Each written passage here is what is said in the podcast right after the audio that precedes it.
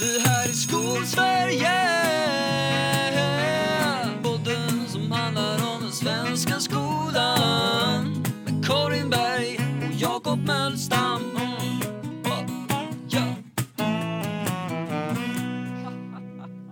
Ja, det är fredag den 19 mars 2021. Klockan är 16.50. Vi har checkat ut från fabriken, Mm. så att säga. Och då ses du och jag, för så vi Ja, göra. och jag är på min skola. Det tycker jag är roligt. Jaha, Mm. det är sant. Det ser väldigt mycket ut som en backdrop. Vi sitter ändå på videosamtal. Mm. Och du har så här blurrat, så det ser ut som att det är någon som har tagit en väldigt kreativ bild av eh, liksom din skola. Så har du bara, eller någon skola. Så har du lagt den som din backdrop för du vill inte visa att du sitter hemma i ditt kök typ. så hade jag varit källkritisk hade jag trott att du inte alls är på din skola. Men det är du, så att säga. Eh, det här är, ja, vi har ju fått det här som vi pratade om förra veckan, så nu är jag ju lite på plats och eh, försöker få ihop min tillvaro. Eh, det har varit jobbigt, men det är en annan sak. Det, det tänker jag vi lämnar därhän. Ja, ja, ja. För det finns ju så mycket bra. annat man kan prata om. Eller hur, Jakob? Eller hur? Så är det. Det är så mycket saker som händer. Eh, så. Jag tänker, liksom, om man skulle snabbt sammanfatta bara så här, tillståndet just nu. Mm. Du vet den där känslan som man får framåt våren när man säger ja men nu är det snart sommar, det här kommer att bli bra. Man håller i mål typ. Mm. Där är jag redan. Där har jag varit i ett par veckor nu. Eh, och det tror jag är nog ganska många lärare i Sverige som ändå är. Eh, av olika skäl. Och många elever. Så vi får vara snälla mot varandra. Det är ett mantra. Vi får liksom banka in så. Mm. Eh, och samtidigt så händer det ju så många roliga grejer också för att det eh, det känns som att liksom ja men lite grann så här, folk släpper lite görder ändå. Det slog mig häromdagen när det är som det är och så. Mm. Och liksom alla förstår. Det, det, det, det finns någonting förenande i att alla människor är på ungefär samma plats mentalt. Mm. Och det gör det inte så svårt att prata om. Och det är inte så dramatiskt att prata om att liksom Ja men man är lite så här, ja men man är besviken på att saker och ting inte blir av eller så. Man saknar att träffa folk och så. Det, det går liksom att prata om och man kan förenas i det och det är någonting fint. Eh, så. Jag hamnade i en sån situation häromdagen när det uppstod en konflikt bland mina elever, ganska, ett par av dem, ganska så här eh, heta känslor. Och då diskuterade vi lite vad, hur det gick till och vad det var som här fanns. Och då visade det sig att de har startat, eh, må- tillräckligt många av dem har kommit in i den här Snapchat-åldern för att skapa en gruppchatt för liksom hela arbetslagets alla 105 elever, eller de som har det, så det är ju det är färre än 50, jag tror 50 är gränsen. Eh, och där händer det lite grejer, eh, för det finns ju inga andra utom de som är där. Så då var det några som här, men kan inte du gå in i det? Och jag har ju liksom Snapchat bara av den orsaken, så jag sa, ja, ja visst, det kan jag da vara, typ så. Uff. Ett dygn senare är jag uppe i 150 eh, notiser tror jag. Så jag inser att jag måste så här, stänga av. eh, att utsätta sig för sådana grejer det är också en orsak till varför jag är eh, ja, men lite mosig. Lite fredagsmosig får man väl säga då. Ja, men Eh, så är vi där vi är. Eh, eller hur? Man behöver, men, men det är faktiskt mitt bästa lifehack som jag ändå har skaffat mig efter jag såg The Social Media Dilemma. Jag har stängt av exakt alla notiser på exakt alla maskiner jag äger. Inklusive min mailnotis på jobbet, på jobb och arbetstid. Vill man mig något? Alltså jag upptäckte för ett tag sedan att man kan stänga av den helt absurda notisen att så fort du får ett meddelande i den, starta, i den kommunala lärplattformen så lägger det sig överst över alla yt, eh, så här rutor typ. Eh, det tyckte jag för ett tag sedan efter ett år som anställd det kan man säga. Eh, och det var så jävla skönt. Eller hur? För att herregud vad många dåliga situationer eh, som jag med nöd och näppe har liksom överlevt så. Det är en extremt dålig funktion som, som jag ändå också har lyckats eh, ta bort för många år sedan faktiskt. Ja men typ fyra klick in så hittar Ja. man det. Det är så här. Ja, Varför är det ens standard? Tänk dig bara så att folk förstår, som inte är med om den här liksom, erfarenheten. Att du har varit inne på morgonen eller innan lektionen och så kollar lite eh, närvaro man är inne bara på den hemsidan. Du behöver inte vara inne på själva liksom, meddelandetjänsten. Men så skickar någon ett meddelande. Eh, då kommer det upp och så är det inkopplat på skärmen, kommer det upp på skärmen så att alla kan se det. Eh, kombinera det med så här föräldrar som vill saker, eh, chefer som vill saker, det här automatiska systemet som skickar ut notiser så fort någon är mer än eh, visst procentantal borta på 14 dagar. får så mycket information som är så här, mm, det där eh, behöver inte finnas där.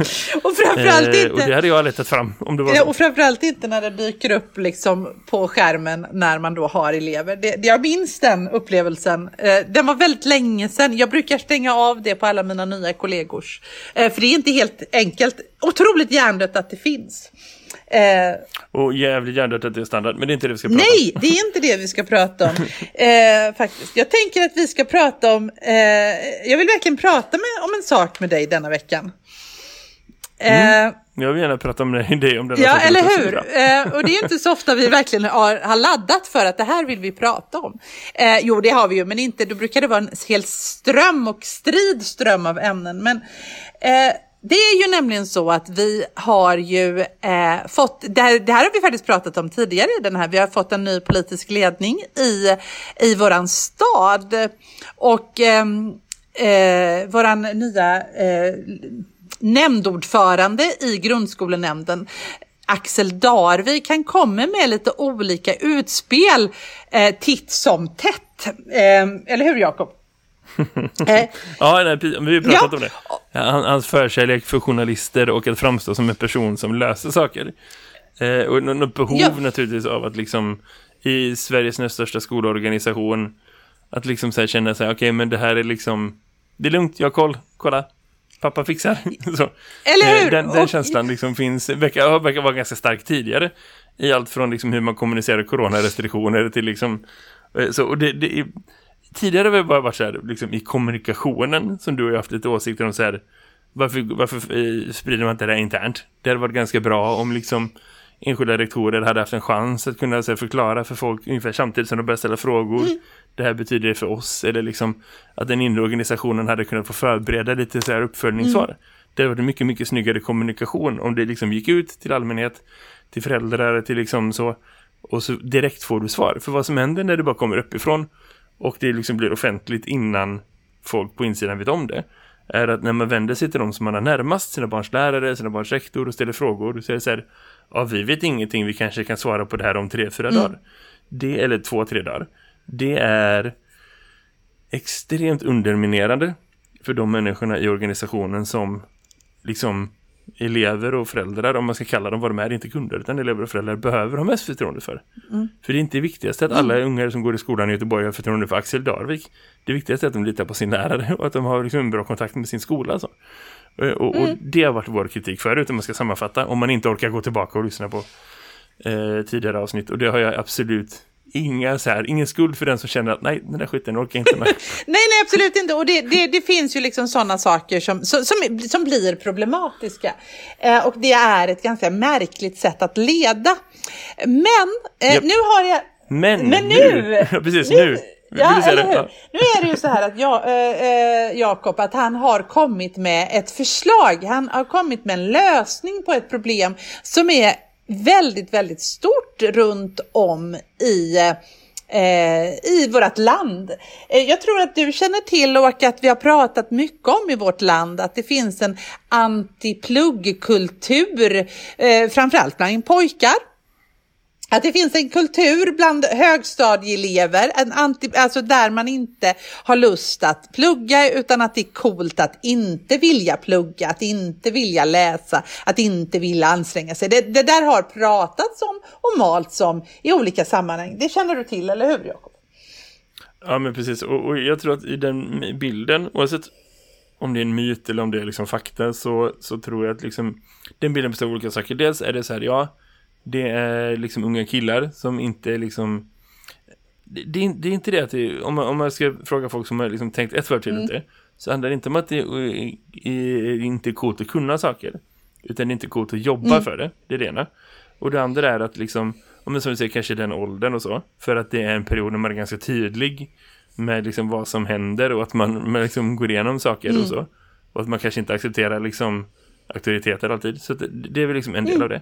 Och en annan del av det tror jag också är den där eviga oron från generation till generation. Där man liksom har den här känslan av att så här, men så här var inte vi, typ. Är du med?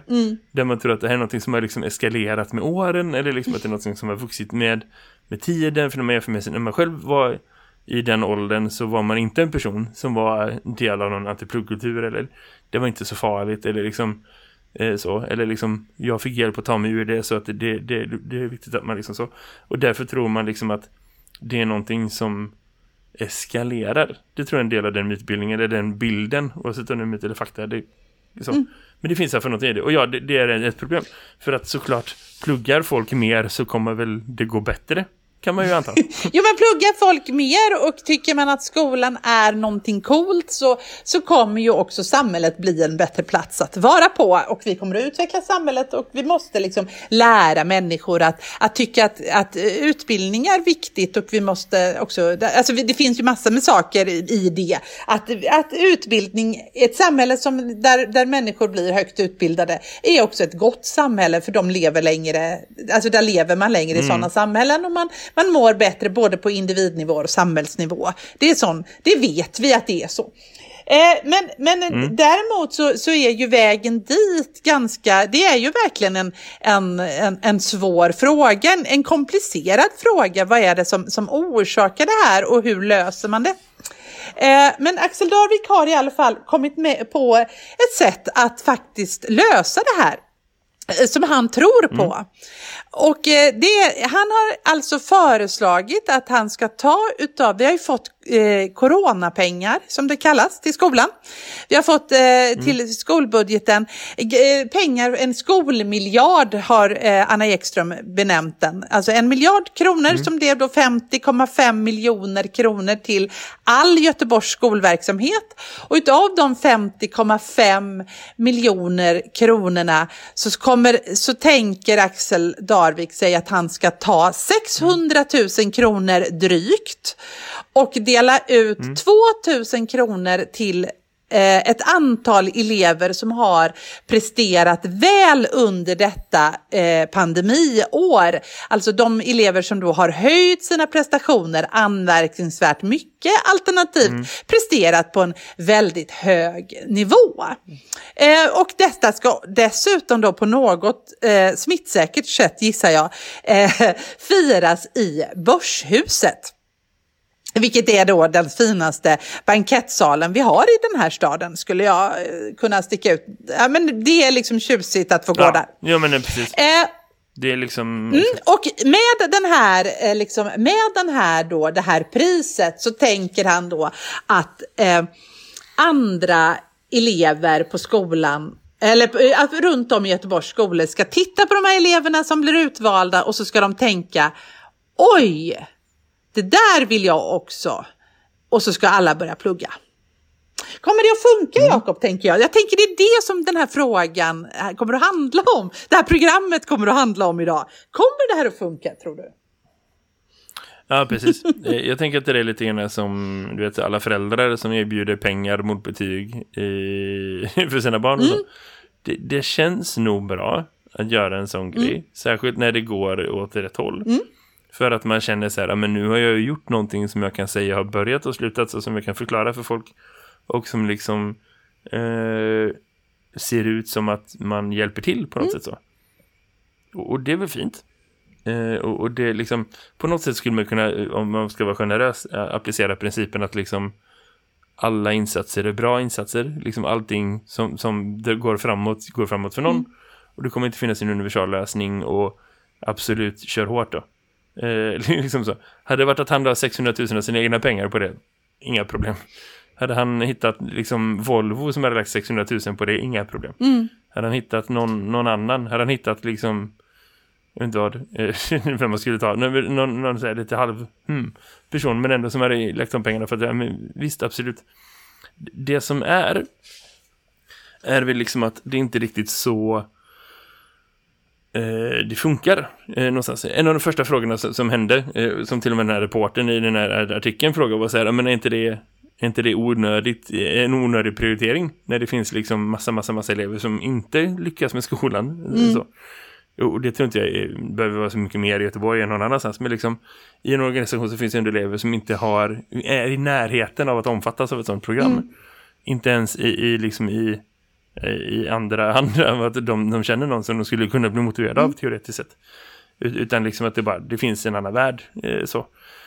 Och då säger han så här, nej, nej men 600 000 är ingenting. Det är inga pengar i, i Göteborgs grundskola typ. Eh, vilket är fascinerande för att det är aldrig så att det är det som man blir bemött när man har några andra liksom, idéer som kostar 600 000 kronor.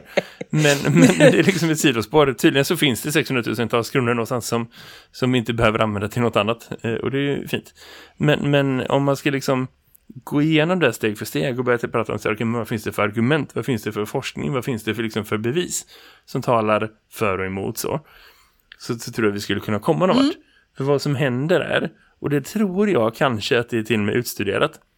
I, om inte annat så är det, är det det som gör att sådana här utspel blir en safe bet där du inte behöver oroa dig så mycket för liksom, diskussioner runt omkring. För att det är en väldigt politiserad diskussion. Oavsett om det är mellan politiker i ett kommunfullmäktige, om det är liksom bland föräldrar runt ett köksbord, om det är liksom bland lärare i ett konferensrum eller personalrum. Nu umgås man inte där, men liksom mm. teoretiskt sett när lärare träffas så så blir det väldigt politiserat och det blir känslostyrt och åsiktsstyrt och det finns människor som tycker att det är jätteviktigt att man prioriterar liksom de här eleverna och det ska vara så mm. bra, kämpat min son, bra jobbat så, den andan behövs mer medan liksom en del är så här, ja ah, men varför då? Det här känns elitistiskt och liksom gå på magkänsla på det. Men om vi ändå tänker att så här, det här med motivation och lärande och så, det finns ganska mycket forskning om det. Om mm. det. Det finns ganska mycket kunskap på det området mm. som liksom är objektiv. Mm. Så. Eh, och om man skulle börja kolla runt där och se så här, vad, vad har det här egentligen för konsekvenser eh, så, så tror jag att vi kan komma lite längre in i det. Och då bör man börja med att förstå att liksom det här är ett förslag för att göra folk mer motiverade. Och hade man bara backat tillbaka tio år och gått till ledaren hans eget parti, eh, Jan Björklund, så hade man kunnat få så här, vad fan, motiverade? Vi ska inte lägga pengar på att motivera folk. Vad är det för jävla flum att vi ska hålla på sätta ner och plugga? Du vet, den liksom mentaliteten. som absolut inte tog slut för tio år sedan, men vi hade hört det från en utbildningsminister för tio år sedan. För det var typ tio år sedan han var utbildningsminister. Tummen och pekfingret. Eh, så. Mm. Men liksom poängen är att eh, det funkar inte så. Men vet att liksom, motivation är en av de viktigaste faktorerna för lärande. Så. Mm. Det handlar inte om talang. Det handlar inte om liksom, uppfostran. Det handlar inte om om, om, om liksom egentligen, när, till och med när vi pratar om så här, socioekonomisk bakgrund och så någonstans, så är, som vi vet är en av de viktigaste faktorerna när man kollar på statistik och mätbara liksom så. Ja, är det föräldrar högutbildade så kommer du ha mycket bättre förutsättningar för en högre utbildning. Det är bara så det funkar. Mm. Men det är ju inte magi. Det är inte som att du får ärva deras jobb eller du får ärva deras liksom, kunskaper med genen eller så. Utan det handlar ju om att de är bättre rustade att liksom, vårda sina barns motivation och hjälpa dem att bli motiverade. Medan föräldrar som kanske inte har samma utbildningsbakgrund eller som kanske inte har samma erfarenhet av skola eller som inte liksom har möjlighet att vara lika närvarande under formativa år eller vad det nu kan vara de har inte samma verktyg och samma förutsättningar att hjälpa sina barn själva att vara motiverade. Eh, så. Och att man lägger till det extra steget istället för att bara prata om liksom, socioekonomisk bakgrund som att det skulle vara något statiskt. Det gör att det också finns en ingång att man kan lägga till att vi kan hjälpa till, eller hur? Vi kan hjälpa till och, och, och, och, göra folk motiverade. Andra kan hjälpa till med det. Det behöver inte bara vara föräldrar. Det skulle kunna vara ett ställe där man går varje dag mellan 8 och 3. Eh, så, på vardagar. Där kan du också bli motiverad. Eh, så. Och det är väl liksom argumentet för varför det ändå är bra att man satsar på motivation. Det vore ju en bra idé då, kan vi ju konstatera, att skolan faktiskt då hjälper till med den biten. Att om nu det finns liksom ställen, det finns liksom barn som har en motivationshöjande kraft inna, liksom hemifrån, så kanske vi behöver kompensera det på skolan eller hjälpa till där. Eh, och då tänker jag ju att, att det finns ju liksom en av de, de saker som gör att de här barnen från medelklass och överklass hem eh, faktiskt presterar så pass bra i skolan. Det handlar ju om att de har föräldrar och, och morföräldrar faktiskt som, som, och syskon som modellerar skolframgång framför dem. Alltså som, som visar att det är möjligt, som, som, som plöjer det här framför dem, som någonstans skapar en, en inre förväntning hos eleverna på sig själva att de ska faktiskt bli, de, har en, de, de ser liksom att det finns möjlighet att bli jurist, det finns möjlighet att bli läkare, det finns möjlighet att bli lärare för all del. Eh, och det, det är någonting som är självklart, medan kanske inte har man inte den den, så, eh, liksom i sin närhet så, så kan man inte ens drömma om att kunna bli det. Finns det ingen i ens närhet som har den? Och det, det har vi ju massor med berättelser om eh, så, där det inte finns. Och där är ju en, det handlar ju egentligen om det här som vi någonstans har hört, det här höga förväntningar på alla våra elever. Att det finns en, en mm. alltså liksom det här som vi brukar säga, det handlar ju om att vi ska ge dem de här mm. drömmarna. Det handlar om att kunna säga, vet du vad, jag tror att du skulle bli en jättebra läkare när de är åtta år. Så att den får den liksom, bilden. Eller hur? Ja, nej, men precis, precis. Och, och jag, jag vill bara se, koppla upp det du säger nu med det som vi pratade om förut, med att liksom bara för att man har en förälder som kommer från en hög socioekonomisk bakgrund så är det inte som att det automatiskt går bra i skolan. För det, det finns inte ett rakt samband, men, men, det är precis som du säger att, liksom, att vistas i miljöer och kulturer och det är en helt annan liksom, spår än vad vi egentligen är på väg in på. Så, så är det ju ändå på det sättet att, att liksom, har du massa läkare runt omkring dig så finns det en, dörrar som öppnas som inte öppnar annars. Det är så som du kan öppna men som du får jobba mer för. Absolut att det mm. är så. Och, och, att skolan kan prata om det på det mm. sättet. Men man behöver egentligen börja i, i motivation. Liksom, vad är mm. motivation? Mm. Och det finns massa olika saker som är motiverande. Mm. Eh, så det du beskriver är absolut det. Och, och jag tycker det är kul med inre, liksom höga förväntningar. För att, för, eh, inte inne, men liksom höga förväntningar. För att någonstans i lärares snabba värld, när vi pratar om liksom så här, vi ska ha höga förväntningar på alla, då är det typ att man konsekvent blir sur på de som är sena till lektioner typ. Och det är så här, ja, det är inte det vi pratar om. Nej. Men, men vi, vi sätter en pin i det och kommer tillbaka till det i ett annat avsnitt. För att nu, nu stannar vi här. Och då, då pratar man om, till att börja med måste man de, definiera att så här, inre och yttre motivation är inte samma sak. Eh, så. Mm. Eh, så. Yttre eh, motivation skulle vara beteenden som förstärks av någon sorts belöning som kommer efteråt mm. så. Ett pris, det kan vara du får A, du får liksom det här, du får liksom att du får eh, ja, pengar av dina föräldrar för betyg eller att du får pengar av Axel Darvik för att du har liksom höga betyg eller liksom du hamnar i den här rankingen här och här och du kan komma in på det där och det, alltså så. Medan inre motivation är det finns en inre drivkraft att vilja bli bättre, tänker jag. Att det finns liksom inombords någon... Alltså man har förstått att det här gör jag för att eh, det finns liksom en drivkraft i att vilja veta. Men det förstärker sig ja. själv. Det förstärker mm. sig själv. Är det inte det som någonstans ska mm. grejen? Att, att det, liksom, det, det, förstärker sig själv. Och, och, och, bara utifrån det, förlåt att jag berättar, men det är precis det du säger. Det är bara direkt så här öppna mina, precis det så, så. Och i det så tänker jag att liksom, det är ju den motivationen som är hållbar över tid. Eh, så. Mm. Och, och, där kan man fundera på så här, den yttre motivationen, är den liksom nödvändig också? Är den är den liksom två parallella saker eller kan det direkt vara skadligt med liksom eh, yttre motivationskrafter oavsett om det är någonting som, som du liksom lyckas med eller inte för att etablera din inre motivation så. Och det är väl liksom det någonstans man pratar om att så här, ja men hur saker förändras när man börjar introducera betyg. För då blir folk liksom en betygshets som kan vara stimulerande för de som kommer att lyckas med det ändå. Men som också gör att folk presterar sämre. Liksom så. Det såg man, såg man redan när man började utvärdera de här införandet av betyg i årskurs 6. Mm. Att det hade liksom en positiv inverkan på de som var högpresterande. Och det hade en negativ inverkan på de som var lågpresterande. Mm. Och det är väl precis det man pratar om där då. Att, att liksom den yttre motivationen som är så här, nu ska du få betyg. Mm. Eh, så. Särskilt i, i en ålder där man kanske inte är så himla bra på att skilja på sak och person. Utan där det blir liksom ett personligt omdöme. Mm. När det blir en grej som som bekräftar kanske vad du redan hör att en del tänker att men du är inte bra, du är inte liksom den här nivån. Att det blir en sorts liksom självuppfyllande profetia som, som blir ett hinder i vägen för att du ska kunna ha den här inre motivationen som vi pratar om. Eh, precis, och precis så, så, så, blir det betygen då skulle kunna, om det blir så att du liksom klarar mm. betyget mm. E och du ser liksom att de som fick betyget A, du har gjort liksom en jättestor mm. resa för att klara betyget E eh, och så får du den stämpeln medan de då som gjorde betyget A som egentligen mm. hade det lättare för sig och som egentligen eh, inte gjorde lika stor ansträngning om man nu skulle kunna, det skulle ju kunna vara så även om man, man det, alltså ansträngning är ju verkligen verkligen en fråga om definition. Det behöver man ju verkligen fundera kring när man säger. Alltså mm. det kan vara så att den eleven som får E har ansträngt sig mer än den eleven som får A. Men när vi har stämplat en elev med en sån yttre, mm. yttre påverkan så kan det också bli sådär att, att mm jag känner så väldigt, väldigt väl igen mig själv i det.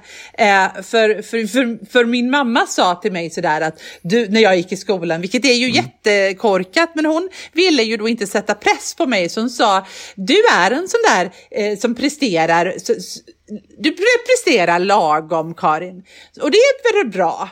Och då tänkte jag ju, och så gjorde jag det. Jag fick ju de där liksom treorna i betyg. Tills jag kom på att, men undrar om vad som händer om jag provar och då var jag ju vuxen.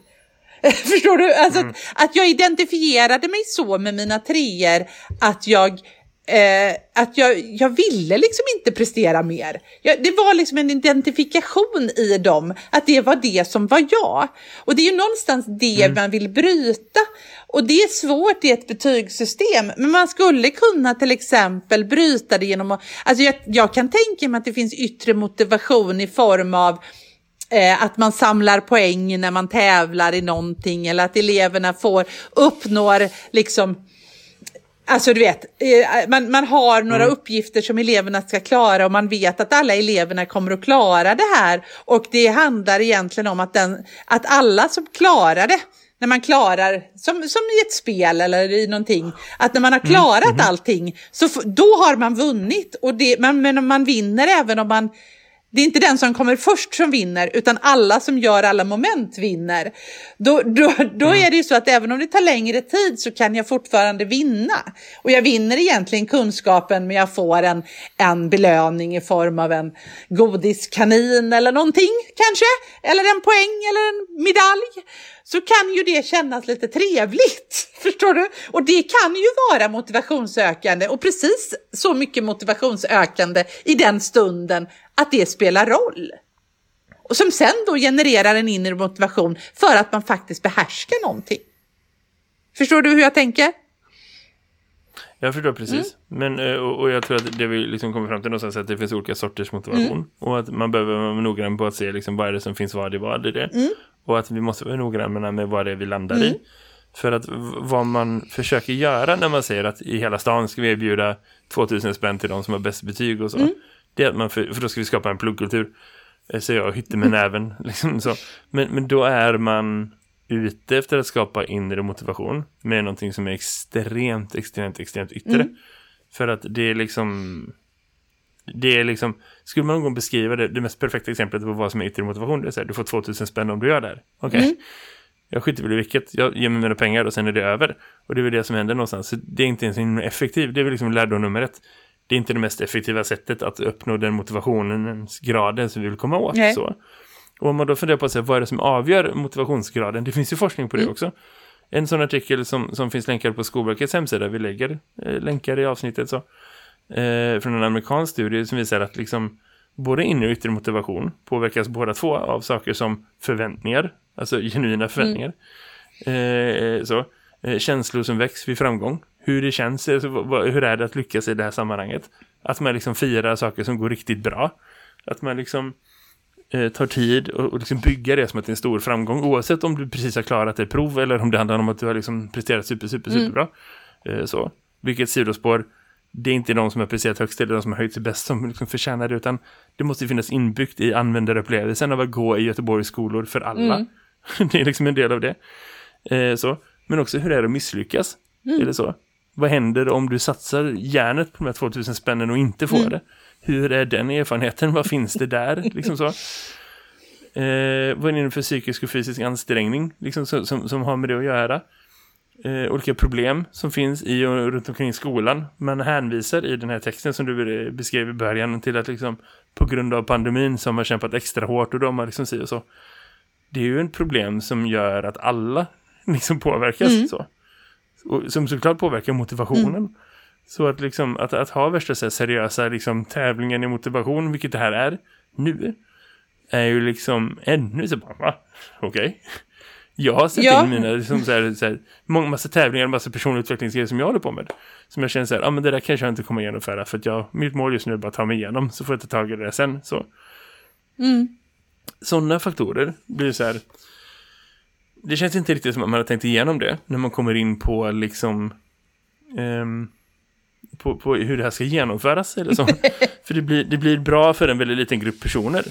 Eh, men, men det är inte liksom en systemlösning för att komma åt ett större problem. Som, som inte omfattas av några få personer utan som omfattas liksom av hela kulturen då. Om det är det, en antipluggkultur just som man vill komma åt.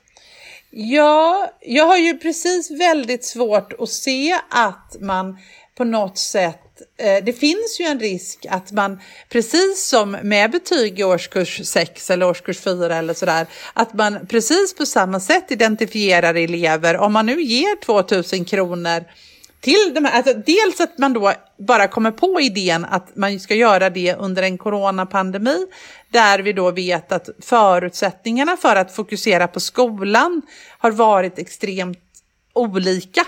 Och det är en, en, en sak som, som jag tror vi behöver omfamna en liten stund innan man, innan man eh, liksom går vidare. Det är inte så att vi inte ska ha beröm i skolan.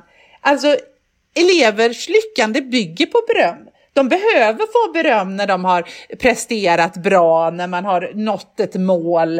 Eh, men man måste också komma ihåg att berömmen måste ju vara kopplat till något väldigt, väldigt specifikt och eh, vara väldigt, väldigt konkret. Att nu berömmer jag dig för att du gjorde det här som var väldigt, väldigt bra. Eh, så att eleven förstår, inte bara åh vad du är duktig jämt. Det är inte ett beröm som kommer att generera någon, någon vidare prestation, utan det, det måste vara ett konkret berömmande. Det jag tänker framförallt är att vi måste designa systemet så att det lyckas för Ja. alla. Det är ju det som någonstans är systemet. Att, att, som så, att liksom, det behöver inte finnas en, en konflikt mellan olika grupper av elever. Nej. Det är inte som att liksom, vi prioriterar de här eller Nej. de här. Eller att vi är bra för de här eller de här. Utan liksom, ett bra organiserat eh, skolsystem måste ju vara så att alla kan gå hem och känna så här, bra, jag har, jag har lyckats med någonting. Om man då gör Ja. det. Så. Men, men liksom alla framgångar måste kännas värdefulla. Det är ju någonstans det som är grejen. Att, att, att liksom, vi kan inte ha ett system där, där vissa framgångar är så här, eh, eh, medan andra är liksom kanonbra. Utan, utan det måste ju finnas en, en rörelse framåt för alla. För det är det som någonstans är liksom tanken med, med skolsystem. Och då får man inte tänka att så här, ja, men vi prioriterar de här och så är det bra. Utan att tänka så här, hur påverkar det folk som finns runt omkring? Eller vad skapar det för, för system? Som du säger, man belönar de som, som har liksom eh, bra förutsättningar. Eller man belönar de som lyckas enligt en parameter men kanske inte enligt en annan. För det är en massa saker som händer samtidigt.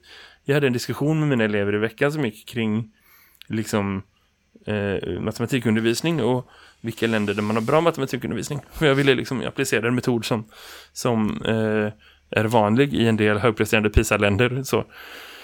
Eh, Och då liksom byggde jag upp en historia för dem runt det. För att liksom få med dem att testa ett, ett arbetssätt som inte har testat förut. Så. Eh, Och de fick börja gissa vilka länder tror de har bra matematikundervisning. Och de började gissa liksom länder som ligger nära, länder de har koll på, länder de har varit i. Länder som har kulturellt stort kapital. Så. Någon började gissa typ Japan och Kina och så. Så började vi jag började berätta lite om PISA och vi diskuterade lite tillsammans och liksom vi började förklara så här, men liksom, man kan åka och lära sig olika saker i olika länder och liksom du åker lära dig från Sverige till till, liksom, till Hongkong eller till, till Kina eller till Japan för att lära sig vissa saker. Om man åker till andra ställen för att lära sig andra saker. Och då kommer folk hit för att lära sig av oss. Och då blir de nyfikna. Så, här, men vad kommer folk hit för att lära sig? Och så börjar jag berätta om den förekomsten av du vet, så här, eftermiddagsskolor eller så här, kvällsskolor som finns i framförallt Sydkorea. Där man liksom får börja reglera så här, vakter som åker runt och stänger klockan tio. För det är så här, då säger lagen att vi inte får öppen mer. För att det finns en extrem liksom, pluggkultur som är åt andra hållet. Där man liksom eh, går i skolan från sig kanske ja, men, så här, 8 till 4 typ.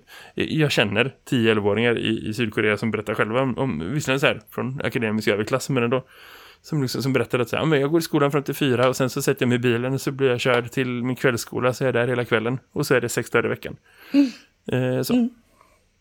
Och liksom två gånger i veckan spelar de tennis två timmar och det är liksom deras fritid typ. Man bara, kul. Eh, och så börjar jag berätta för eleverna om det och de var så här, men så där vill vi inte ha det. Och det förstår ju vem som helst. Så det finns ju alltid en balans i det naturligtvis.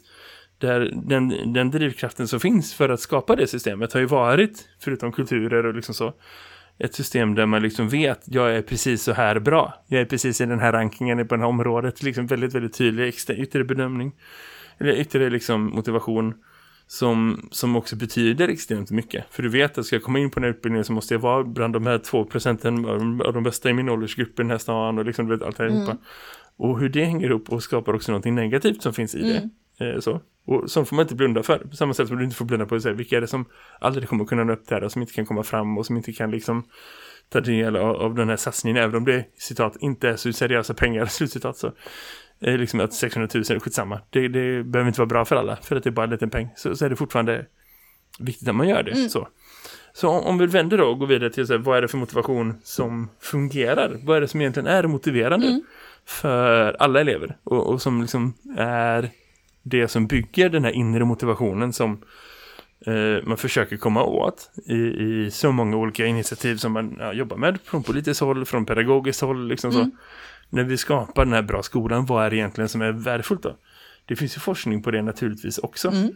Ett sånt exempel är en doktorsavhandling skriven av Jan Blomgren vid Göteborgs universitet 2016 som handlar om eh, motivation. Jag ska se om jag kan hitta den exakta titeln.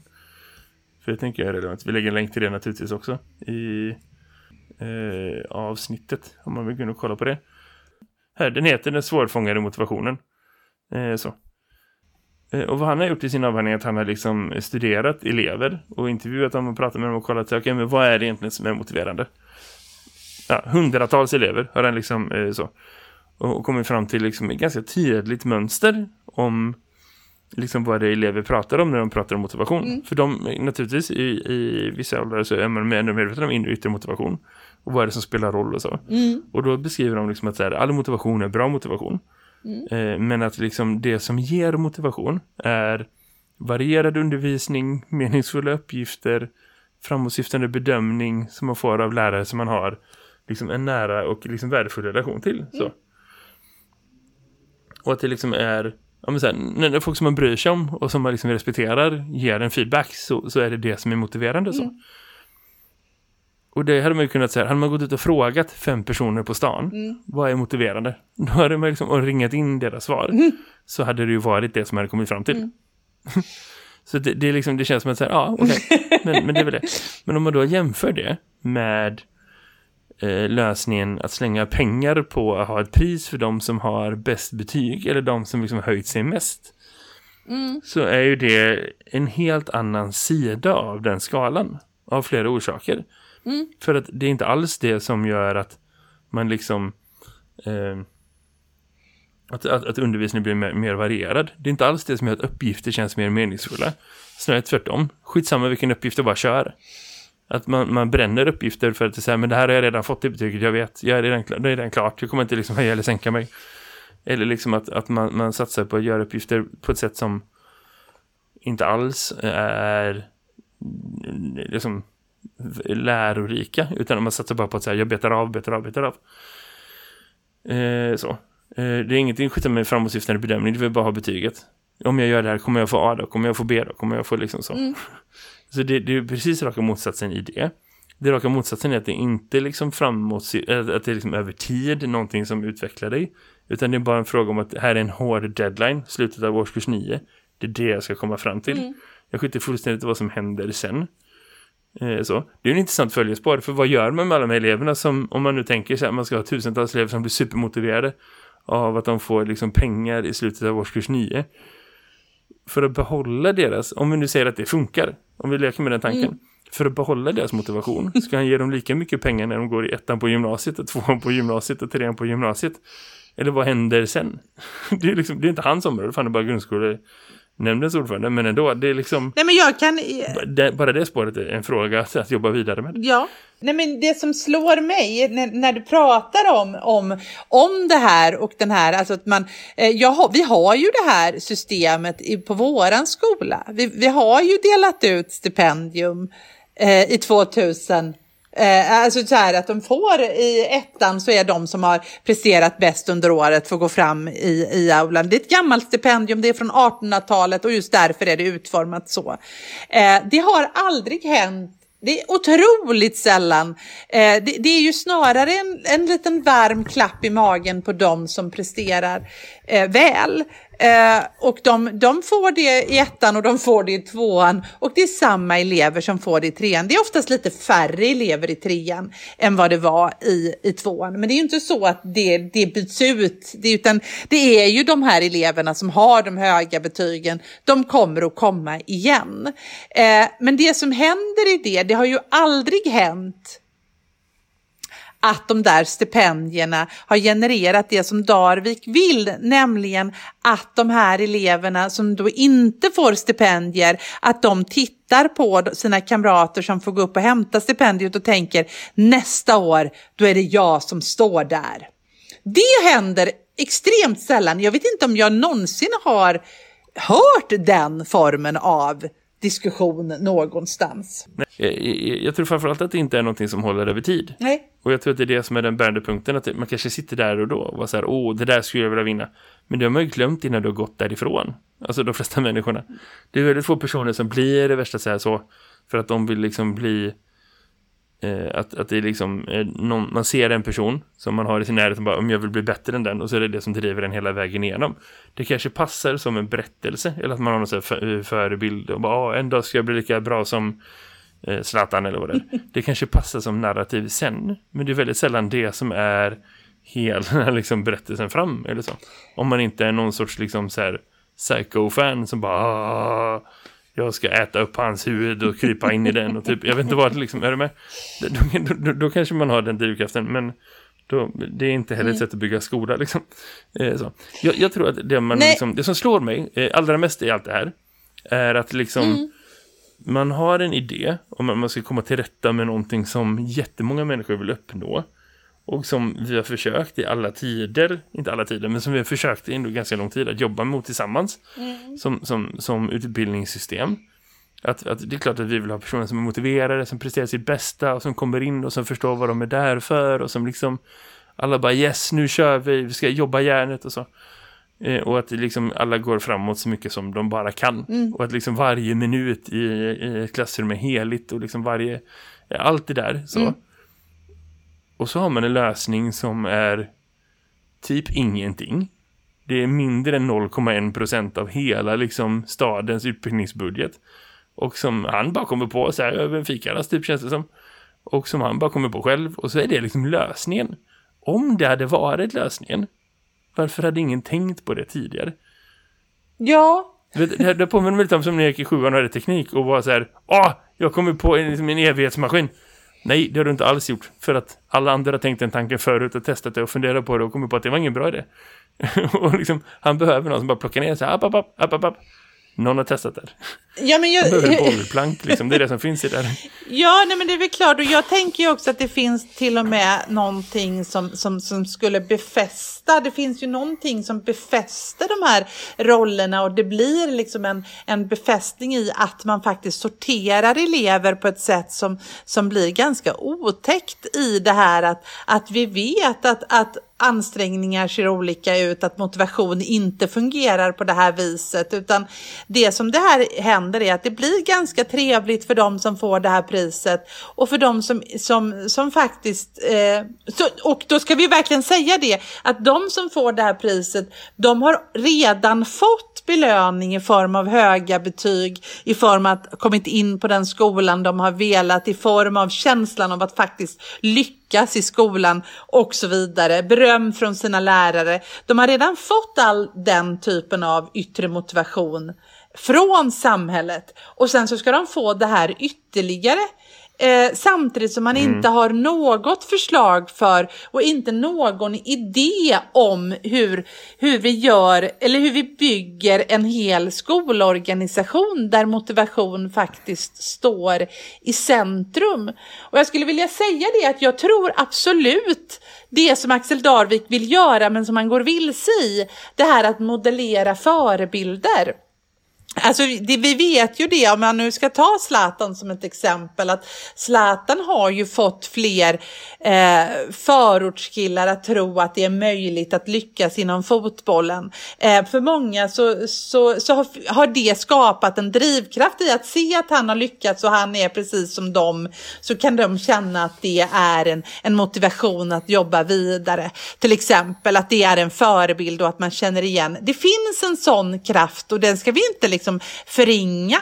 Eh, men, men det är ju också en, en identifikations... Eh, liksom, ja, det finns någon slags identifikation i det där som, du, som inte finns i det här förslaget. Utan här, kommer, här vet vi ju redan från början vilka det är vi kommer att lyfta fram. Och att Zlatan har lyckats som han har lyckats, det har han ju gjort utifrån, han har ju inte gjort det för att det fanns ett under eller en är av motivation runt omkring honom som stöttade honom utan han lyckades ju utan, utan det här systemet. Men det vi skulle behöva bygga för att det ska bli ett samhälle för alla det är ju att ett system för motivation och det är ingenting du mm. gör för en kafferast och det kommer inte att kosta 600 000. Och det, men vi skulle behöva de 600 000 i det bygget också. För då skulle alla barnen må bra istället för bara de här 0,01 procenten som kommer få de här 2000 kronorna. Precis. Så om vi ska sammanfatta Eh, motivation är superviktigt för lärande. Mm. Det går inte att komma ifrån. Mm. Det är inte en generationsgrej. Det är inte en liksom dagens ungdomen, de är så bortklemade, sätter ner och jobbar grej. Utan liksom motivation jag hänger upp med lärande så. Det som gör att vissa lyckas bättre i skolan än andra det är att vissa har lättare att få hjälp med sin motivation än andra personer. Eh, så. För att man har liksom, äh, vilken miljö, vilken kontext, vad det finns för utbildningar, vilka dörrar som öppnar, liksom, vad det finns för förutsättningar, vad närvarande och så. Mm. Men att det kan också vara, som, som förälder, men det är också så att en skola kan vara motiverande eller mm. inte mm. för enskilda personer men också för liksom elevgruppen som helhet. Om vi har hundratusen ungar i varje årskurs i det här landet så kan vi liksom prata om hur bra är skolan på att vara motiverande och meningsfull för alla. Eh, så. Mm. Och, och, och, i det så behöver man dela upp yttre och inre motivation. Där liksom yttre motivation är belöningar som någon annan ger dig, medan inre motivation det bekräftar sig själv. Så. Det är liksom förstärker sig själv. Det är den som är hållbar över tid. Det är den som är liksom ekologisk. Det är den som är liksom på något sätt inte är att du bara knökar i dig socker utan du sätter dig och käkar någonting som du kommer hålla mätt på längre. Om vi ska liksom måla i bilder så. Eh, I den jämförelsen vad som händer där är att Axel Darvik tar en spruta med crack och bara trycker in det i din godisgrej. Bara, ah, här! Det är ännu mer externt för att göra det liksom ännu mer galet det kommer säkert vara superintressant för vissa personer. Det kommer säkert finnas jättefina berättelser om att kolla hur bra de här personerna har presterat. Men de presterar inte bättre på grund av det. Och det är på bekostnad av massa människor som inte kan få vara en del av den, det systemet. Eh, för att det är en lösning som är så jävla mycket sämre än det förslaget, det problemet som man ändå till hans ära har lyckats identifiera. Vi behöver få till en bättre skola som är mer motiverande för alla. Mm. Vi har hållit på med det ganska länge och vi letar efter liksom bra lösningar. Visst, alla är välkomna till diskussionen. Han är det också. Det har varit jätteintressant att ha ett seriöst samtal om, om liksom hur vi ska göra skolan meningsfull för alla. Mm. Men då måste det utgå från forskning om motivation. Och den säger supertydligt varierad undervisning, meningsfull feedback och bra relationer till sina lärare det är de tre sakerna som liksom betyder någonting. Och det hade varit fint om han fokuserade lite mer på istället. Ja, och faktiskt också en bruten segregation. Vi behöver, för det är också en sak som, som motiverar att när du går på en skola där många misslyckas, då kommer du också identifiera dig med misslyckande. Så du behöver en skola där det finns drömmar och möjligheter och framgång. Ja, för det är det som är segregationen. Att vissa skolor ja. har gått om det och andra skolor har inte det. Nej. Och det, det överlappar perfekt med vilka liksom, elever som själva var det hemifrån. Mm. Det är liksom absurt. Så. Ja, Karin, det var ett långt samtal om en och samma sak. Ja. Det är inte alltid våra avsnitt funkar på det sättet. Men den här gången gjorde det. Eller hur? Jag tänker att eh, eh, vi kan ju hoppas att Darvik lyssnar. Eh, det tror jag inte. Men det kan ju vara roligt om han gjorde. Absolut. Karin, det var kul att prata med dig. Ha ja. det gött, hej. Ha det fint. Det här är Skolsverige